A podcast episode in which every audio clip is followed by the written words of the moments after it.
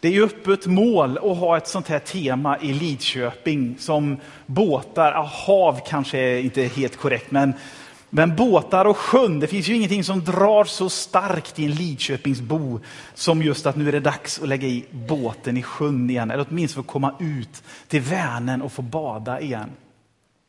Eh, och vi ligger ju rätt roligt till här nere vid den gamla hamnen med kyrkan. För att ser man på de gamla korten så är ju det här en levande del av Lidköping. Här lastar och lossar ju mängder av båtar sina varor och så vidare här nere. Nu är det ganska dött och stilla och tyst här nere. Men vi ligger på en plats som påminner om att för väldigt många människor över hela världen och i alla tider så har livet på sjön vid vatten vattnen varit betydelsefullt för att livet ska fungera. Och idag så kommer min predikan handla just om de här bilderna med sjön, med havet och den båten som du och jag färdas på mitt i livet. De förutsättningarna som du och jag har.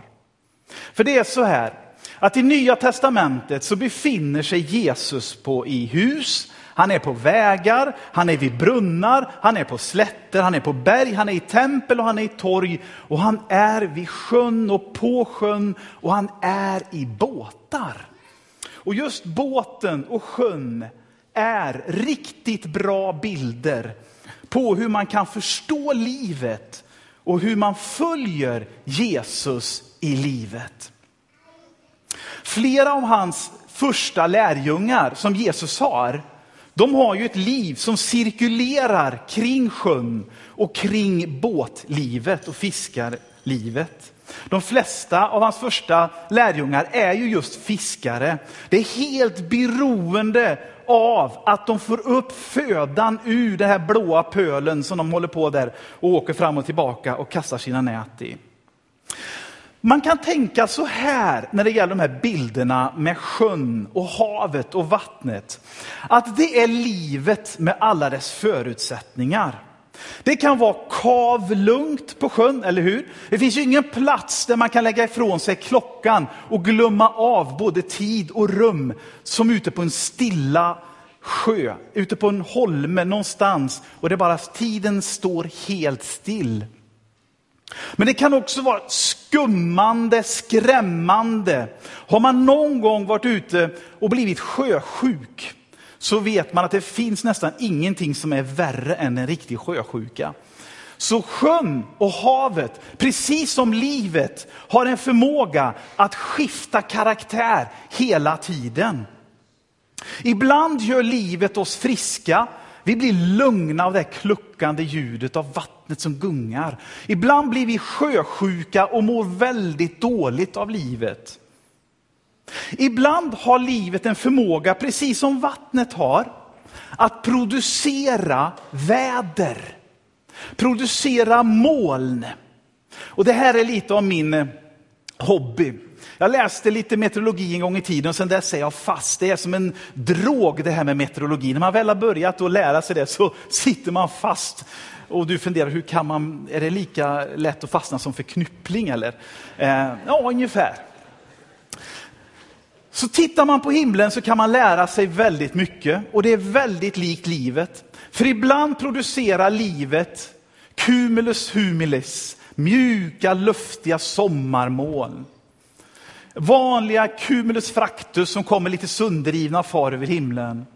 Men så ibland så reser sig cumulus congestus, de här höga pelarna upp och omvandlar sig till cumulonimbus och blir stora städ fulla av åska, upp och nervindar, ishagel, snö och blixtar.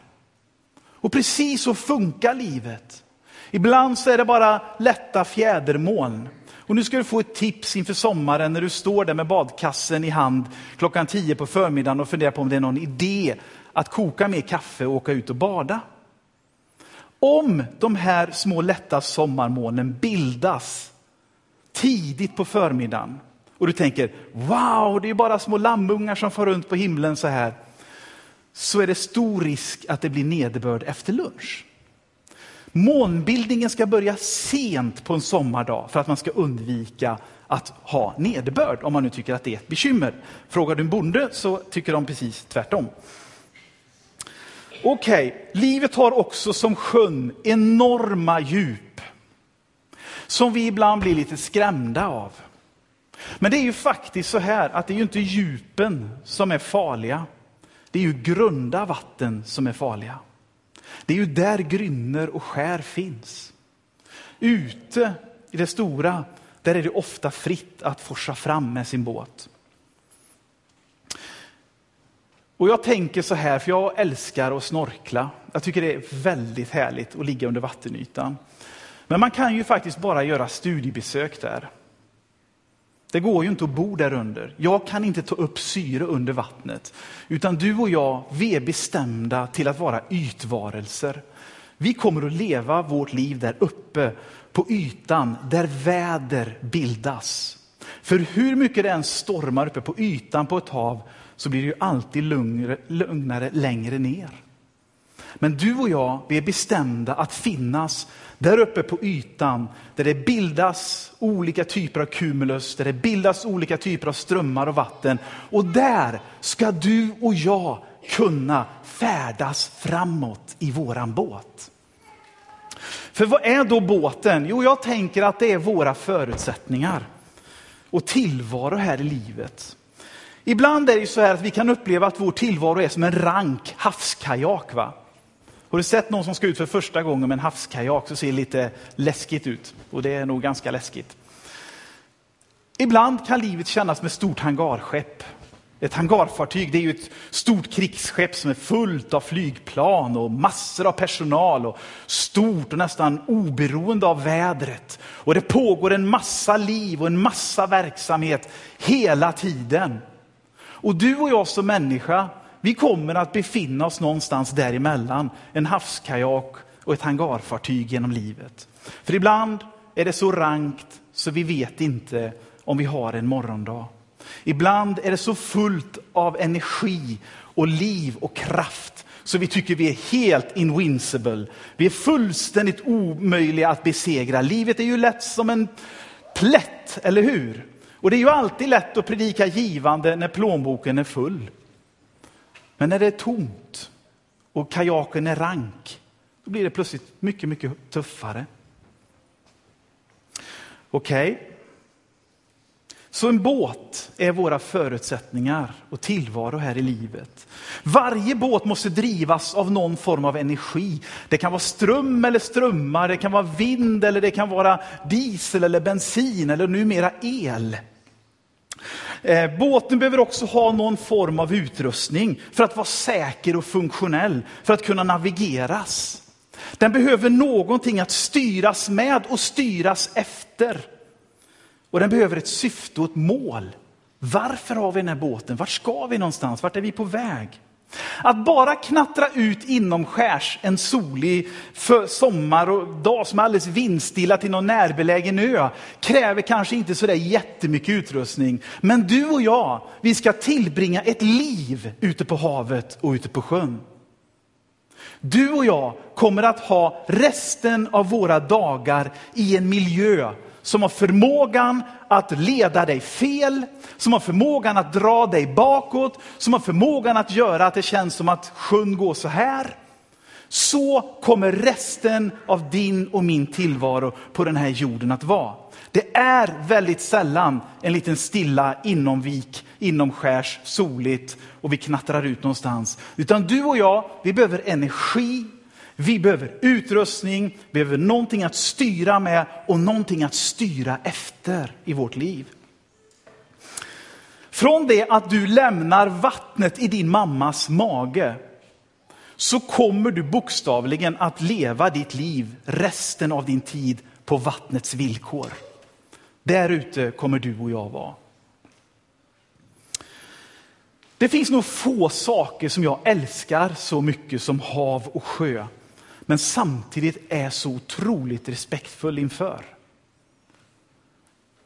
Vi var ute en dag på en liten vik, några styckna.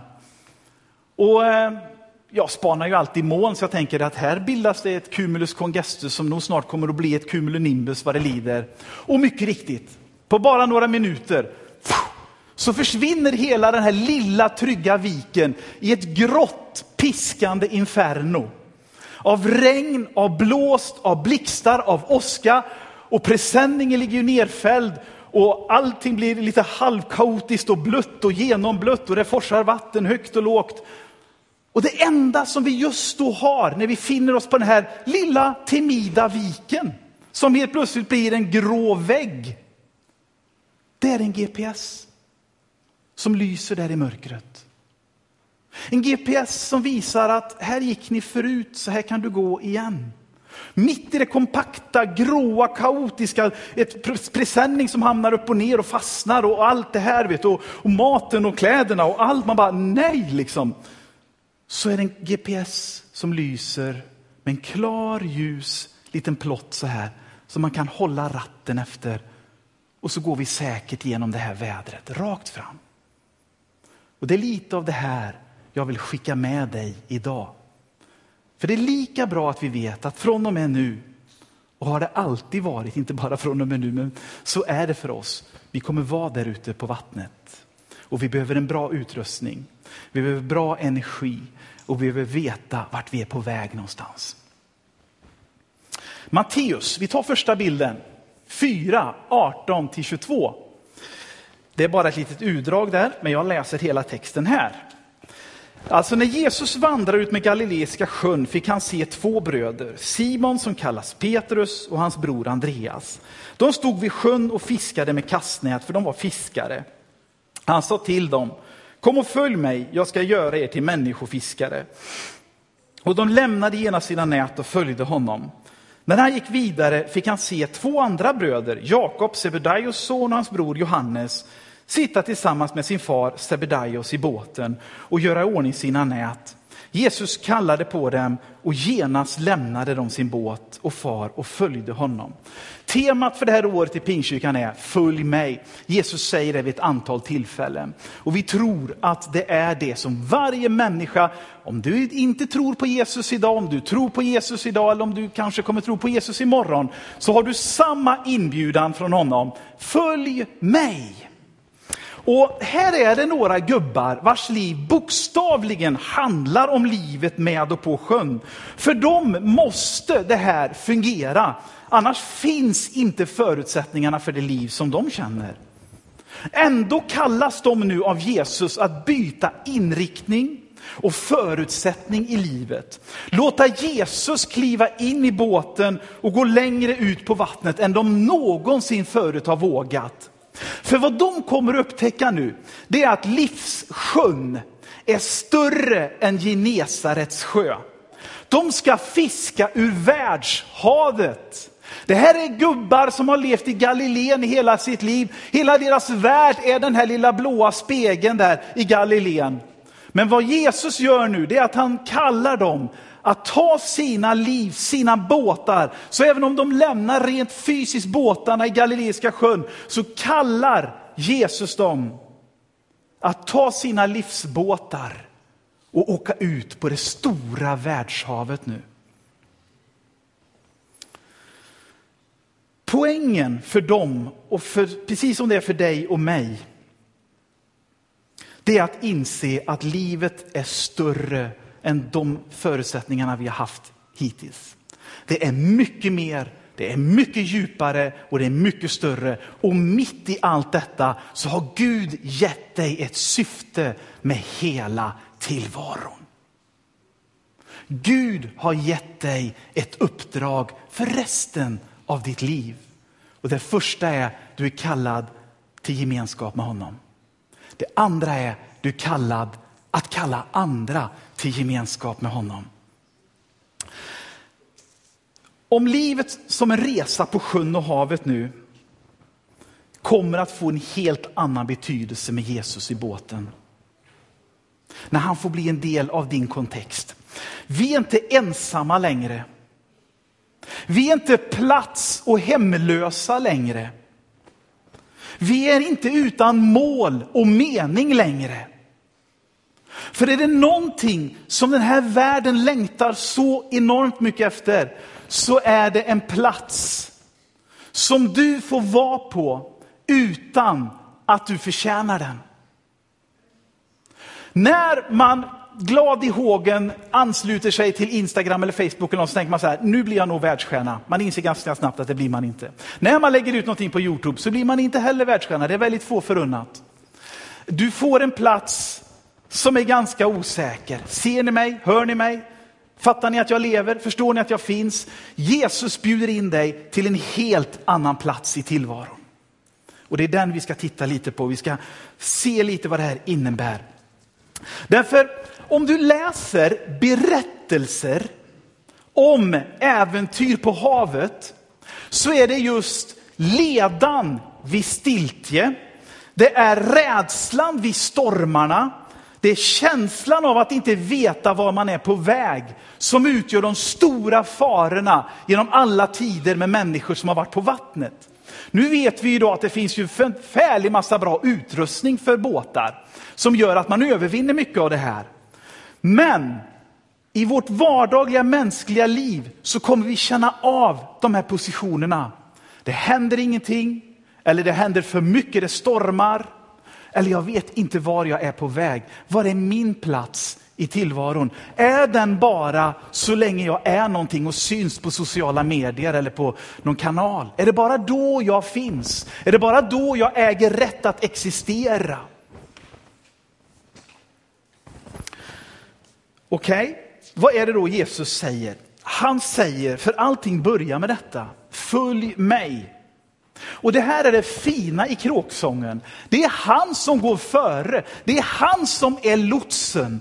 Det är han som tar dig och mig igenom de här svåra passagerna. Det är han som vet hur du ska komma in i hamnen i en främmande hamn. Det är han som vet hur du ska ta dig över de svåra strömmande passagerna. Han är lotsen och han säger, följ mig. Du kommer alltid ha någon som går före dig. Någon som du kan se ryggtavlan på. Någon som du när det är som allra mörkast kan sträcka fram din hand och känna, Jesus, du är där va? Ja, jag är här. Kom, vi tar ett steg till. Det finns stunder i livet då det är så mörkt att du inte ser din hand framför dig. För att livet har drabbat dig så hårt och gjort dig så sjuk. Men du kan känna att lotsen är framför mig. Jag känner ryggtavlan av den gode herden Jesus. Han som har sagt, jag går före dig. Jag lämnar aldrig dig. Och så säger han, jag ska göra er till människofiskare. Och helt plötsligt så blir syftet någonting helt annat. Normalt sett så dör ju fiskar när man fiskar dem, eller hur? Men det här är ett annorlunda fiske. Det här är ett räddningsfiske som Gud kallar dig och mig till och som han kallar lärjungarna till. De som fastnar i det här nätet är för att de ska överleva och leva för evigt. Det här fisket är ett annorlunda fiske. Det är inte för att döda, det är för att levandegöra. Och det är därför, när vi firar gudstjänst här i varje kyrka den här förmiddagen, över hela jorden, så är det ett vittnesbörd, det är en berättelse om till varje människa på den här jorden, att det finns en väg till liv. Och det livet finns i Jesus Kristus. Och han är den som är alla människors lots rakt igenom livshavet, rakt in i evigheten för alltid.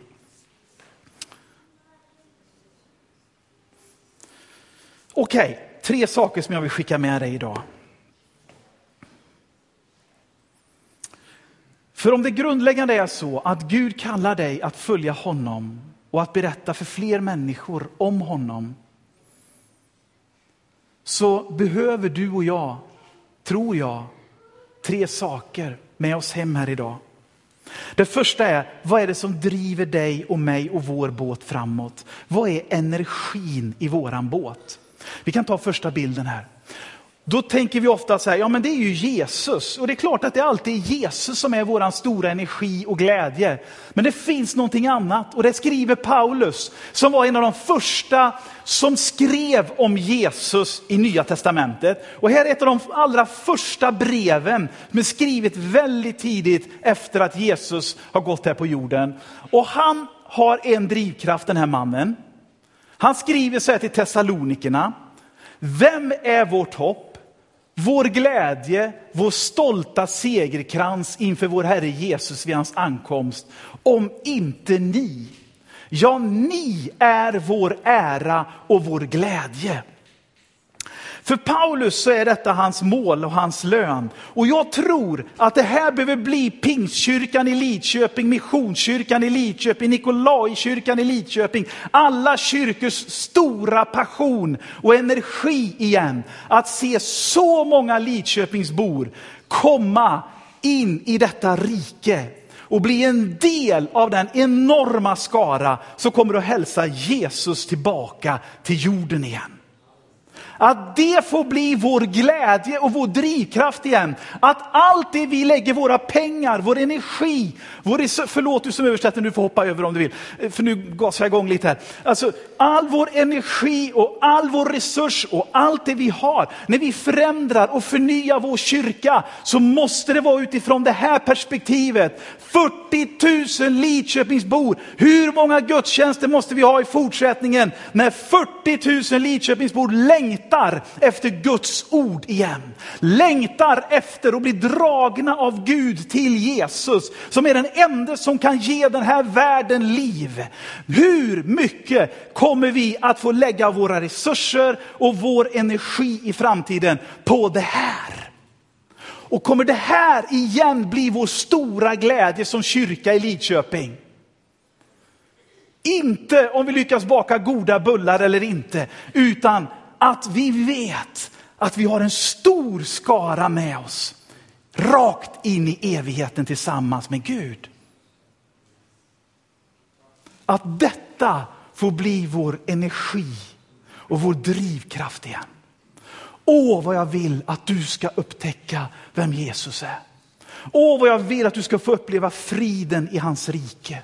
Åh, vad jag vill att du ska veta att han älskar dig precis som den du är utan att du krumbuktar dig religiöst och gör dig till. Utan att du måste lägga dig till med någon kristen kultur. Du är älskad för den du är och dörren är öppen hem till Guds rike. Det här måste bli Pingstkyrkan i Lidköpings stora passion och glädje på nytt. Det driver din och min båt framåt mitt i vardagen glädjen över att se nya människor uppleva Guds rike. Hur navigerar vi då? Vi tar nästa bild. Vilken utrustning får vi? Självklart så är det ju den helige ande och kyrkans tradition och erfarenhet. Det är ju självklart så. Men Jesus säger, den som hör dessa mina ord och handlar efter dem är som en klok man som byggde sitt hus på en berggrund. Det här är på riktigt mina vänner. Många gånger funderar vi över varför funkar inte mitt kristna liv? Varför är det så trögt? Åh, jag vet inte hur jag ska göra. Hur många gånger bygger vi vårt liv på vad Jesus säger? Det här är grunden vänner för vårt liv som kyrka. Det är att bygga vårt liv på Jesu egna ord. Och han säger, den som hör dessa mina ord, och man skulle kunna säga gör hans ord, är som en klok man som byggde sitt hus på en berggrund. Så om vi sitter där i båten så behöver vi en ratt eller ett roder eller någonting. Och det är hans ord. Börja med bergspredikan. Tänk att den har byggt nationer. Tänk att det finns stater som har byggt hela sitt lagsystem, sin grund på det som Jesus lär i bergspredikan. Det håller att bygga nationer på. Då funkar det för en vanlig Lidköpingsbo att bygga sitt liv på. Men vi måste börja göra det på riktigt. Vi kan inte läsa Bibeln som någon helig skrift sådär så, oh, men vi begriper ju inte. Det är inte det det är till för. Bibeln är en verktygslåda. Det är en stol att kliva upp på när jag inte ser. Det är en säng att luta sig mot när jag är trött. Det är en kudde att lägga sitt huvud mot när jag behöver vila. Det är en fantastisk inspiration för ditt liv. Men du måste börja göra det Jesus säger. Annars bedrar du dig själv, säger han. Du lurar dig själv. Den tredje bilden. Vad är då målet och meningen? Vad är syftet med både livet och att följa Jesus? Alltså som kristen så tror jag att oavsett hur skapelsen har gått till, och det samtalet kan vi ta någon gång för det är jättespännande. Så är du här av en orsak. Du är önskad. Gud vill dig. Oavsett om du tror på Gud eller inte tror på Gud så är du önskad av Gud. Gud vill dig. Oavsett om det är en teistisk evolution, en, en konstruktion eller vad vi nu vill kalla det, så är du som människa önskad och älskad av Gud. Och jag tror att meningen med livet, oj oj oj, var med nu. Det är Nobelpris på det här. Eftersom ju ingen kan riktigt definiera detta. Nej, men en av grundläggande meningarna med livet, det är att du och jag igen, oavsett om du tror på Gud nu eller inte, ska återupptäcka vad det är att vara Guds barn. Hur är det att få säga, inte till Gud, åh ryslige, fruktansvärde Gud, se till mig, utan pappa. Och det är det här Paulus säger. Vår ande, anden själv, vittnar tillsammans med vår ande om att vi är Guds barn. Det här är meningen med ditt liv. Att återupptäcka vad det till fullo betyder att vara Guds barn. Och aldrig blir den bilden starkare än den förlorade sonen som bränner hela sitt arv och hela sitt kapital på och, och önskar att hans pappa vore död. Men kommer hem till en pappa som säger, jag har stått här varenda dag och väntat på dig, längtat efter dig, önskat att du ska komma tillbaka och får ikläda sig. Och jag kan tänka att när den förlorade sonen, i den här bilden som Jesus tar, va? Eh, och nu, nu berättar jag precis som att du kan den här. Kan du den inte så kan jag berätta om den efteråt. Eh, men jag kan tänka mig att när den förlorade sonen får komma tillbaka, han luktar gris, han är smutsig, han har bränt rubbet på allting. På, på brudar, sprit och bilar och han är helt rökt i sin brors ögon. Han har ju naturligtvis de friskaste ögonen på vad det är att komma hem till pappa Gud. För den som har varit mitt i sjön, när sjön slår igen och vågor och blixtar och, och vågor och allting slår emot dig och där du ser ljuset, vägen som leder dig rätt, fyren som blinkar där, häråt ska du. Med de ögonen, då ser du vad det är att komma hem till pappa Gud. För alternativet är mörker och förnedring. Och Gud erbjuder dig och mig en fri entré hem till sitt eviga rike där du alltid är älskad, har alltid varit älskad, i alla lägen varit älskad. Han älskar världen tillbaka till sig. När vi ännu var syndare, säger Bibeln, så dör Gud själv för oss. Så värdefull är du. Så med de ögonen som den förlorade sonen har, då ser han vad det är att komma hem till pappa Gud igen. Och den upptäcktsresan är du inbjuden på. Och den upptäcktsresan är du inbjuden att bjuda med alla andra på. Det är det som Paulus pratar om som energin och glädjen. Att få se alla andra få upptäcka detta också. Så nu vill jag till sist, sista bilden, ge dig en utmaning idag. Inför sommaren. Tre stycken utmaningar. Tänk om du och jag skulle uppmuntra varandra. På riktigt nu. Inte bara som en att se våra liv nu, inte bara som en transportsträcka eller ett pussel som vi ska försöka få ihop, utan hjälpa varandra nu. Att hitta själva grundsyftet med att vi är kyrka. Att få tillbaka det som man kallade för själavinnandets glädje. Glädjen över att få hälsa nya människor välkomna hem till pappa Gud igen. Tänk om du och jag skulle börja uppmuntra varandra på riktigt. Och säga, det är din kallelse i grunden. Du är en människofiskare. Inte för att människor ska dö, utan för att de ska leva i all evighet. Tänk att tillsammans få uppleva glädjen över fångsten. Tänk att tillsammans få se människors liv förändras. Jag tror att det är möjligt också i ett land som Sverige som är så individualistiskt och självständigt. För det var så det började med våran rörelse en gång i tiden. Och jag tror att det är så det kan bli igen och igen och igen. Den andra utmaningen, det är sjökortet. Och nu skulle jag vilja vara konkret med dig. Jag skulle vilja uppmana dig att börja läsa Bibeln igen. Inte som ett krav, utan som ett sjökort i ditt liv.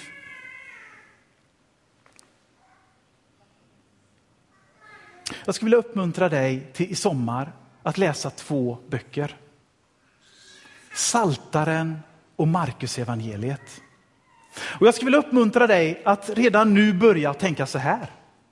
På morgonen så läser jag ett litet stycke ur Markus. På kvällen när jag går och lägger mig så läser jag ett litet stycke ur Saltaren. Från kapitel 1 till 37. De här 37 första salmerna som är så otroligt uppmuntrande och positiva. Jag skulle verkligen vilja uppmuntra dig att med stolthet ta på dig vårat gamla emblem igen som vi hade i frikyrkan. Ja, så du är en läsare? Yes, ser du. Jag är en läsare. Utbildning är hur sexigt som helst. Det är hur häftigt som helst att läsa. Börja läs. Och jag ska verkligen uppmuntra dig till detta. Börja läs. Kalla dig själv en läsare igen. Varför? Jo, jag måste titta på sjökortet. Hur jag tar mig fram i livet. Den sista punkten, den sista utmaningen till dig i sommar är följande. Och nu använder jag ett ord som du kanske tycker är jättejobbigt. Det kanske jag gjorde innan också när jag sa att det var hur sexigt som helst. Jag ber om ursäkt för det. Eh, men när jag säger det här så menar jag verkligen vad det betyder. Meditera över att du är Guds barn. Alltså låt ditt inre bli fyllt av bara tanken, jag är ett Guds barn. Och behöver du, för att riktigt få in den här bilden här, och framförallt här, så titta på ett litet barn i din närhet. När du nu är ute kanske och fikar på torget och så, här, så kan du se liksom föräldrarnas fokus på barnen. Hur är det? Vi har fått ett litet barnbarn och vi är fem föräldrar med, alltid numera. Sex blir det, fem ska det vara så. Eh, det är otroligt vad den här lilla knickedicken kan stjäla all uppmärksamhet och all energi från oss. Det är otroligt vad han placerar sig i centrum, nio månader gammal, redan och vet att han äger oss allihop som på en liten tråd bara så här. Det är precis så Gud ser på dig. Du är ständigt i hans absoluta uppmärksamhet. Du är ständigt i hans centrum av hans uppmärksamhet. Han är din pappa. Och har du en dålig bild av vad en pappa är så förstår jag att det kan vara svårt att ta över bilden. Men tänk på en god förälder, någon som i alla lägen kommer ha ditt bästa för sina ögon. Som alltid kommer att se dig, alltid kommer att höra dig, alltid kommer att älska dig, alltid kommer att beskydda dig. Det är Gud. Och jag skulle önska att du i sommar verkligen när du ber, eller när du sitter i båten, eller när du ligger i hängmattan, eller när du sommarjobbar, eller vad du gör. Så tänk bara några sekunder på, jag är Guds barn. Jag får säga Abba, Fader, Jag får smälla upp dörren och fråga, finns det något i kylskåpet? Jag får liksom sitta med fötterna på bordet, jag får glömma kalsongerna på golvet. Gud är liksom cool med det här. För han är din förälder. Och Jesus säger, Johannes säger, men åt alla dem som tog emot honom, alltså Jesus, gav han makt att bli Guds barn. Rätten att kalla sig Guds barn. Oavsett vad din bakgrund är, om du har som jag förlorat föräldrar tidigt i livet, om du är som någon annan som kanske har haft en förälder som har bråkat och inte kunnat hantera droger, så kan Gud lägga en ny bild i ditt och mitt hjärta av vad en förälder är. Och den föräldern vill han vara för resten av ditt liv. Så kom ihåg de här tre utmaningarna. Ta med dig dem i sommar. Gud välsigne dig.